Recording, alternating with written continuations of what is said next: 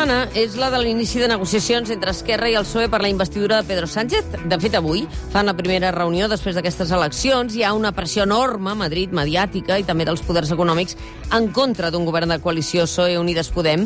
Eh, no el volen per la por a les mesures que puguin prendre en un context de frenada econòmica, poc marge en la política monetària del Banc Central Europeu, temors que expressava així Antonio Garamendi, que voldrem que ens valori el professor Xavier Sala Martín, que és aquí avui. El president de la COE deia això fa uns dies. No entramos en siglas, pero en un gobierno que tenga que ser estable y que trabaje desde la moderación. Está claro que fórmulas vamos a decir, ideológicas que no prácticas, pues pueden no ser eh, lo más adecuadas para la economía y para las empresas, en definitiva también para el empleo.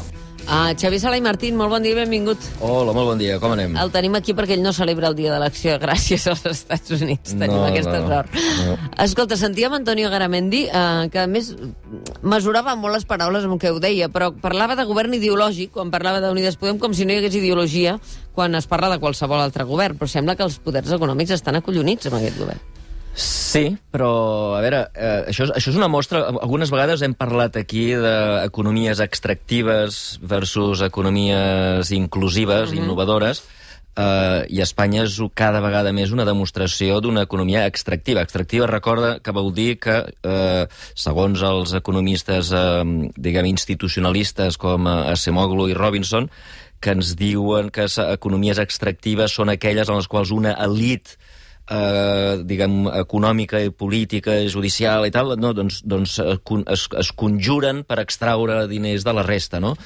Eh, el sol fet, el mer fet de que un líder empresarial s'expressi amb aquestes condicions, com si ell fos l'encarregat de decidir quin govern hi ha d'haver, ja demostra quin tipus d'economia eh, estem vivint. Eh, això és punt número 1. Punt número 2. Um, en, en, en una bona gestió macroeconòmica requereix que quan les coses, com, com una bona gestió d'economia familiar també, requereix que quan les coses van bé has d'estalviar. Per què? Doncs perquè quan les coses et van malament, agafes el calaix dels estalvis i ho gastes, no? Uh, Espanya fa sis anys que ha sortit de la crisi. Eh? El 2014 es va acabar la crisi, estem ja, gairebé a 2020. Um, era el moment d'estar estalviant. Doncs la, El govern ha estat gastant, estirant més el braç que la mànica, el deute segueix pujant, uh, i per tant la guardiola de les pensions La- està buida. està tot, no hi ha calés. I per tant, i, i a més el deute cada vegada és més gran, amb els tipus d'interès igual a zero, i llavors què passa? Doncs que, clar, a la que vingui una propera crisi o a la que pugin els tipus d'interès, Espanya tindrà problemes. I, per tant, s'hauran de pujar els impostos. Jo no sé si li, a aquests senyors de, de, de les grans empreses els hi agraden que pugin els impostos, eh, que, eh, que Podemos eh, digui que per formar govern han de pujar impostos, que si patrimonis, que si RPF... Eh, és igual el que digui Podemos. Entens? A Espanya hauran de pujar els impostos, en aquests senyors de les empreses els hi hauran de pujar els impostos perquè Europa els obligarà perquè no han fet els deures, perquè Espanya, en el moment que havien de solucionar el tema del deute, no l'han arreglat, i per tant l'hauran d'arreglar ara.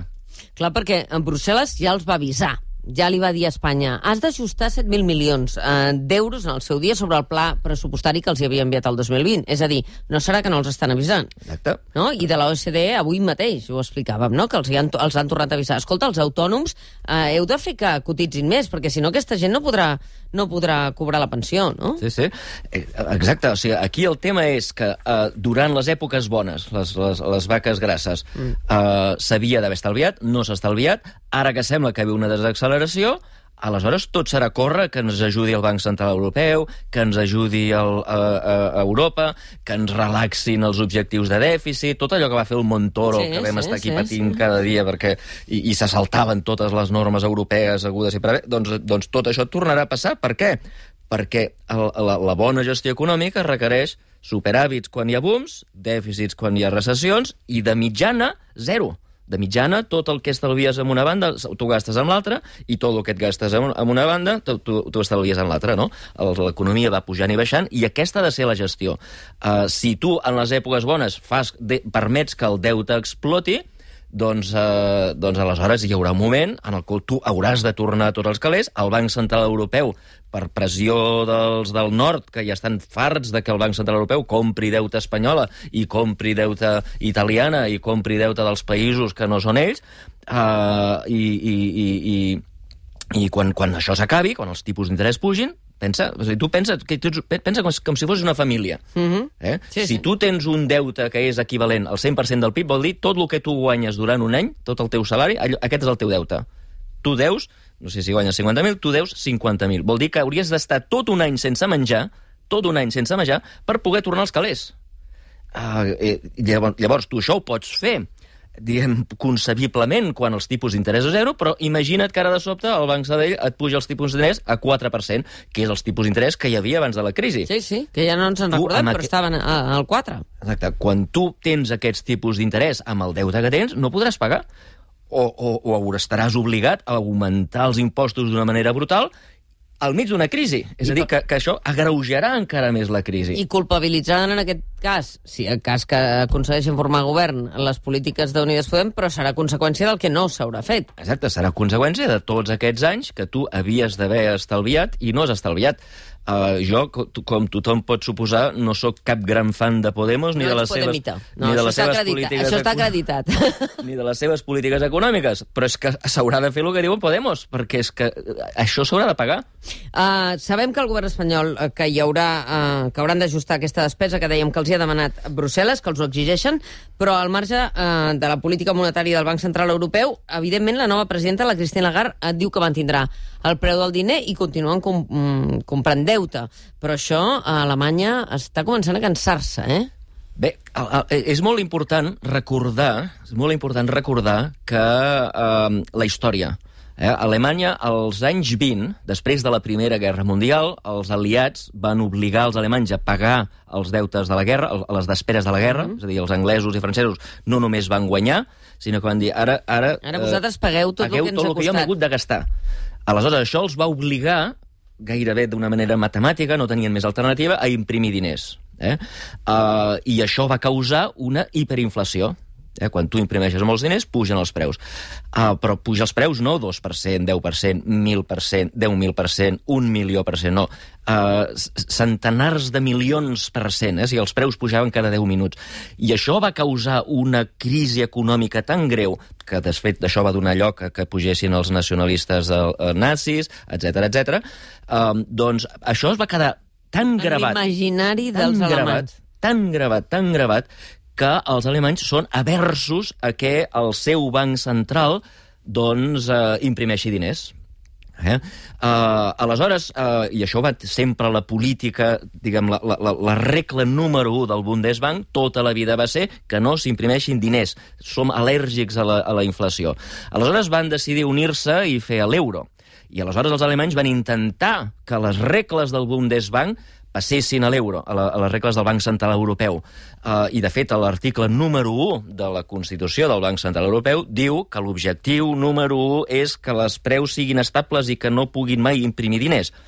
Però, després del president número 1 del Banc Central Europeu, que era, que era un senyor, aquell que tenia els cabells així molt raros, que es deia Duisenberg, recordes? Aquell senyor d'un- d'una perruca estranya, uh, que era holandès. Tots els demés han sigut de països del sud, països Sí. que els alemanys no realment no confien. I ara tenien la batalla. Ara la seva, el seu objectiu era tenir el Banc Central Ah, Europeu en mans dels alemanys. Jo recordo que aquesta conversa la vam tenir. I no se n'han sortit. No n'han sortit, no només no se n'han sortit. És a dir, uh, ja porten tres presidents, que és el Trichet, que és francès, el, el Draghi, que és italià, i ara, Mhm. I ara una altra, vegada una francès. francesa. Però és que no només això, vicepresident número 1 és un espanyol, Sí, el sí. Guindos. En el Consell Directiu no hi ha cap alemany. I ells tenen por. I ja Però, està, clar, no? aquests italians eh, el que fan és comprar deute espanyol. Com compren deute? Penseu, com es compra deute espanyol al Banc Central Europeu? Doncs bé, tenen una màquina, una màquina de fer euros, eh, que posen uns papers blancs i els pinten i de sobte són euros. Agafen aquests euros i compren el deute espanyol. I això és el que ells els va portar a la metainflació dels anys 20, però que estan bojos, estan bojos. Ells s'hi oposen radicalment.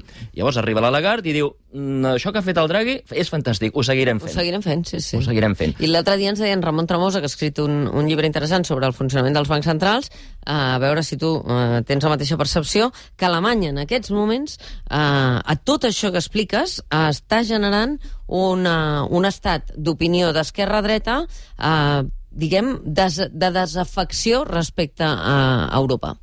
A veure, jo, el Tremosa ha viscut molts anys allà i sap molt més que jo de, de la percepció aquesta que, que hi ha de la gent. Uh, però sí que jo tinc una percepció, no només a Alemanya, de fet, el, Europa està dividida en dos. Uh, la part de dalt, eh, que inclou Alemanya, però també, i encara potser més radicals, Finlàndia, uh -huh. que, uh, el que, que, que donen les culpes de tots els problemes d'Europa uh, als països de la perifèria, uh -huh que bàsicament són eh, Grècia, que hi han hagut de rescatar, Espanya, Itàlia, Portugal i també Irlanda, eh, que per cert sí que hi ha un irlandès en el, en el, en el, en el, en el, en el, en el centre sí, de, del Banc Central Europeu, eh, doncs, eh, doncs aquests eh, donen la culpa, els del nord, donen, els del centre, donen la culpa en els de la perifèria. Però això és una cosa que ja hi havia durant la crisi. Uh -huh. Recorda que sí, durant sí, la crisi sí, sí, sí. es va pensar, es va parlar no d'un uh, d'un Gexit, no sé com es diria, German Exit, sí. no? sinó d'una cisió d'Europa. Es va parlar de dues velocitats, de, de, de construir una Europa de dues velocitats, és a dir, Exactament. els que estiguem disposats a comprometre'ns a complir amb les condicions que ens garanteixin l'economia de l'euro, en un grup, Exacte. en el club. I els que no, a marge. Exactament. No? I això la idea era, era fer dos euros, eh? l'euro del nord i l'euro del sud. Els del sud, escolta'm, si es voleu imprimir diners i arruïnar-vos l'economia, ja us apanyareu, però nosaltres no pagarem, això, no? Um, el que passa és que aquesta visió anti la resta d'Europa uh, és mútua perquè tu vas per Catalunya i escoltes, eh, diguem-hi, es pos, pares l'orella i sempre la culpa de tot és de la Merkel. Eh?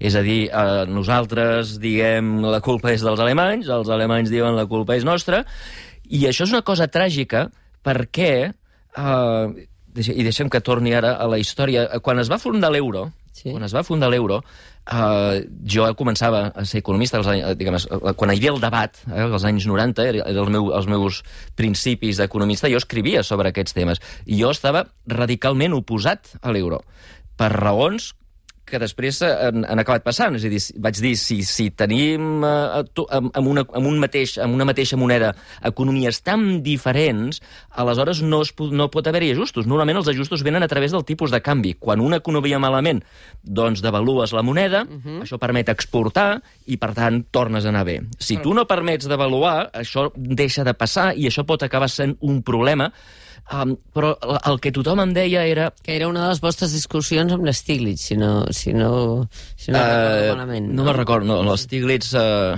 Bueno, és igual, és igual, però recordo que aquest era un sí. dels temes que vam parlar un dia, de dir, uh, realment no hi ha flexibilitat, com que Clar. no hi ha unitat política uh, en, i, i hi ha diferències entre economies productives o molt competitives i d'altres que no ho són, això no es podrà ajustar. Exacte, no es podrà ajustar.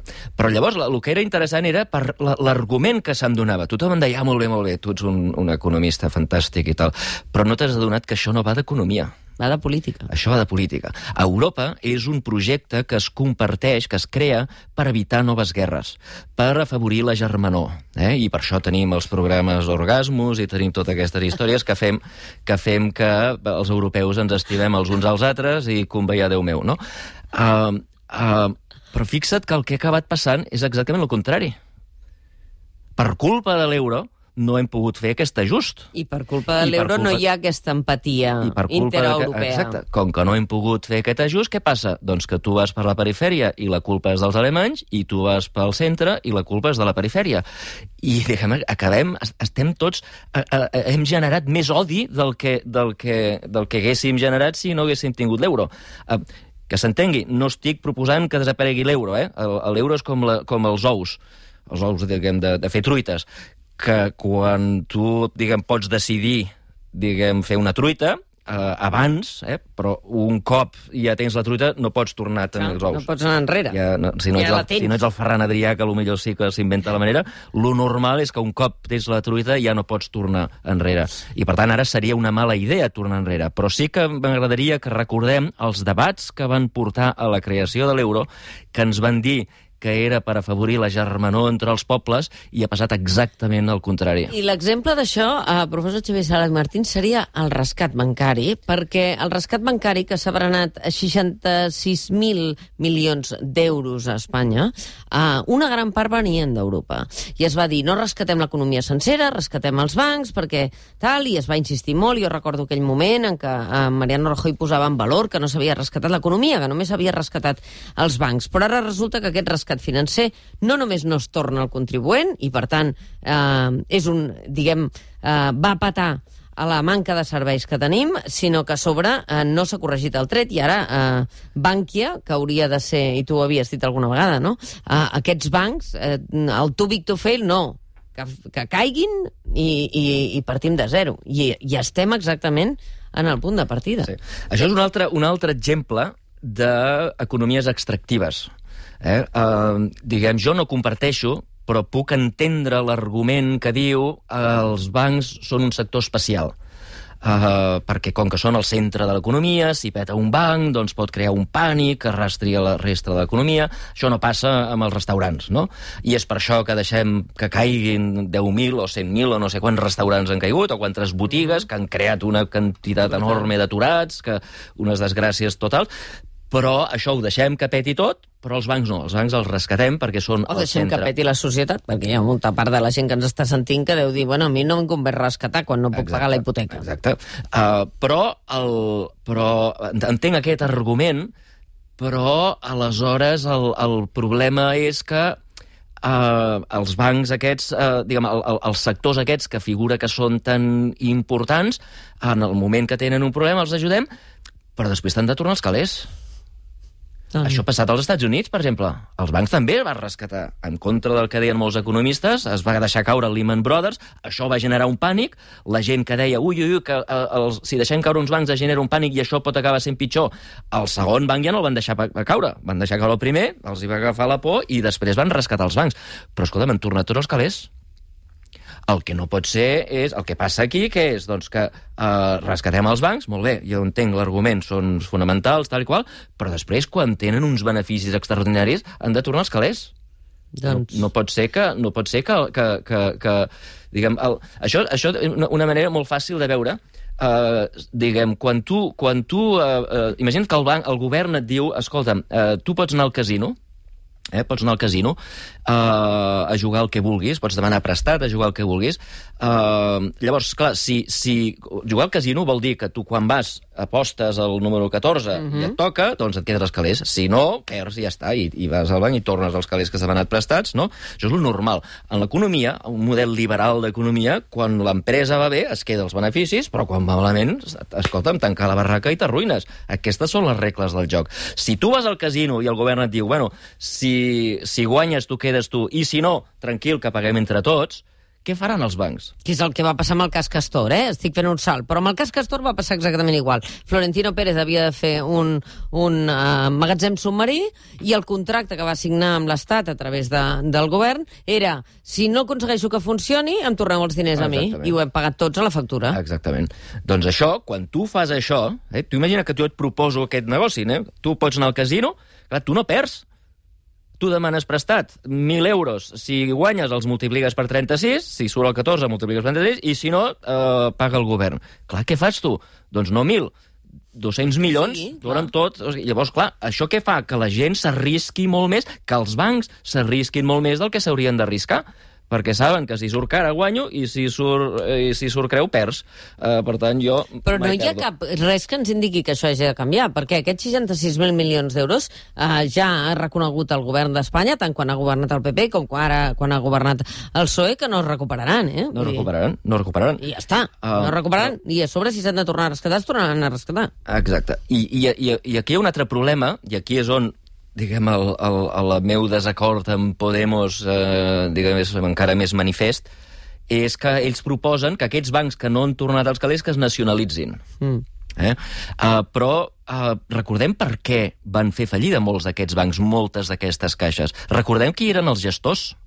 Per qui, qui, qui gestionava Catalunya Caixa? Sí, sí. Uh, persones uh, decidit, d'extracte polític, per, per resumir. Narcís Serra. Narcís Serra. ex-vicepresident del govern. Qui gestionava eh, el que ara és Bànquia, eh, però que abans era Caja Madrid? Sí, sí, tot... tot eh, Era la cúpula de l'Esperanza Aguirre del PP.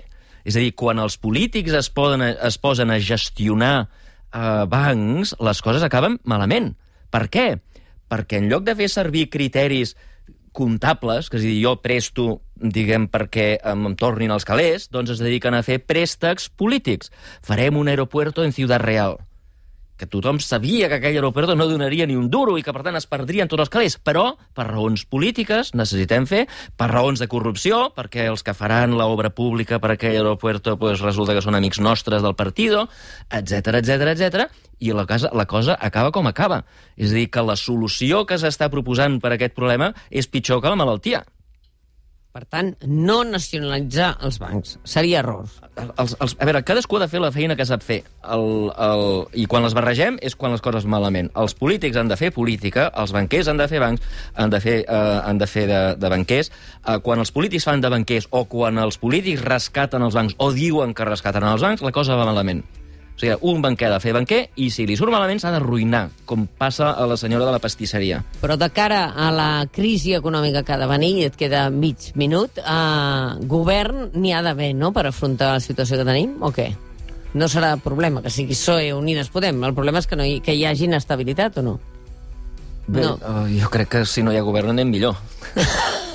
Fixa't que, diguem, l'economia no s'ha ensorrat i fa molts anys que no hi ha govern. Bèlgica va estar diversos anys sense govern i no va passar res. Per tant, eh, escolta'm, si hem de tenir els governs que tenim, jo crec que estem molt millor sense govern. Xavi Sala i Martín, moltíssimes gràcies. El matí de Catalunya Ràdio. Siguis allà on siguis, ets a casa. amb Mònica Terribas.